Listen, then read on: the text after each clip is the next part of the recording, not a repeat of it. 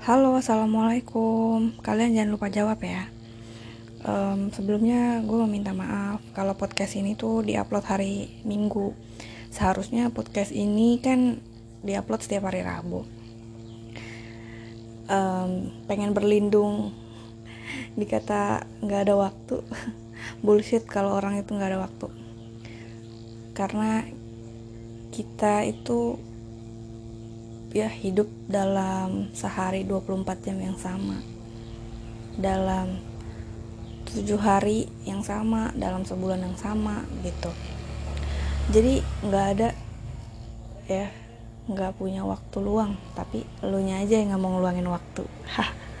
Itu teguran buat diri gue sendiri sih. Dan gue juga lagi belajar agar bisa mengatur waktu dengan baik dengan efektif gitu Oke, okay, um, akhir-akhir ini ya di Instagram gue sering lihat konten yang ada backsoundnya soal stay private, ya. Uh, kata-katanya sih gini kayak um, jaga rahasia lo, jaga privasi lo gitu. Lo lagi di mana, lo sama siapa, sekarang pacar lo siapa, ya kan kerjaan lo apa sih kok lo main terus, jalan-jalan terus ya gue setuju setuju aja sih sama konten yang itu. Cuman di akhir ka, di akhir katanya tuh dia bilang gini di backsoundnya ya. Buat mereka penasaran ya buat mereka menerka-nerka gitu buat mereka penasaran lah sama aktivitas lo sama diri lo. Kurang tepat aja sih menurut gue karena ya emang kita ini makhluk yang diberikan hak hak asasi manusia. Yang di dalamnya itu ya privasi. Jadi kalau misalkan lu menjadi misterius ya menjadi rahasia menjadi apa sih melakukan privasi demi orang itu tuh kayaknya salah sih. Salah menurut gue. Um, ada beberapa nih ya privasi yang lo harus jaga. Ya yang pertama itu privasi atas tubuh lo, ya. Badan-badan lo. Jangan sampai ada orang yang melakukan aktivitas i, tanpa tanpa persetujuan lo gitu. Kayak di luar konteks kekerasan seksual sih. Kalau itu memang jelas nggak boleh kan. Contohnya gini um, lu dipaksa orang ada ada orang lah ingin mau apa ingin nyuntikin sesuatu di tubuh lo atau orang ingin mengambil sampel darah lo tanpa seizin lo itu nggak boleh. Lo punya privasi gitu atas tubuh lo.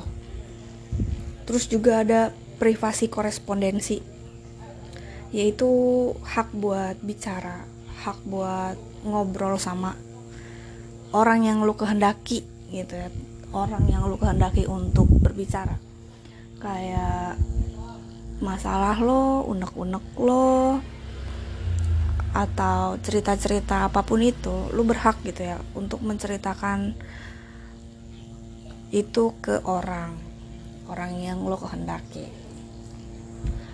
Terus juga ada tuh privasi data diri, identitas, keuangan, lokasi, wilayah itu sih udah udah udah tahu ya kan jadi nggak boleh nge-share nik KTP ke sembarang tempat sembarangan orang. Terus juga nggak boleh nge-share nomor rekening saldo ke sosmed gitu. Kayaknya jangan lah ya. Um, menurut gue rahasia itu ini juga sih menarik juga sih. Sesuatu yang rahasia itu menarik dan privasi itu nggak sama ya nggak nggak sama dengan ansos. Ya kalau ansos itu lebih kayak menutup diri banget sih. Privasi kan hal-hal yang nggak boleh aja di share kalau ansos sih udah naik satu tingkat dari privasi ya orang yang ngejaga privasi itu naik satu tingkat tuh naik ansos. Mungkin ya mungkin ya. Kayak orang yang menutup dirinya banget. Kayak gitu sih menurut gue ya jangan juga gitu ya yang sedang-sedang saja lah ya. Nah uh, justru ya privasi itu menurut gue mendatangkan manfaat. Lu lu lu pernah tahu nggak sih kayak Allah itu menutup aib lu? Mustahil kan orang hidup di bumi ini makhluk Allah yang nggak punya kesalahan. Pasti setiap dari kita itu pasti punya kesalahan kan? Dan Allah tutupin aib kita masa kita udah ditutupin aibnya kita umbar-umbar sih ya kan? Nah privasi itu mendatangkan manfaat. Ya contohnya lu bisa mengelola interaksi sosial ya. Interaksi sosial sama siapa gitu yang lu kehendaki yang harusnya lu ajak ngobrol yang seharusnya enggak itu jadi lu bisa mengelola itu loh interaksinya lu bisa kelola. Karena lu tahu privasi apa aja sih yang harus lo jaga yang nggak boleh orang tahu. Gitu privasi diri sendiri dan orang lain. Terus juga bisa meminimalisir konflik ya kan? Karena lo udah paham privasi lo apa privasi orang apa. Jadi lo punya batasan dalam berinteraksi sosial gitu.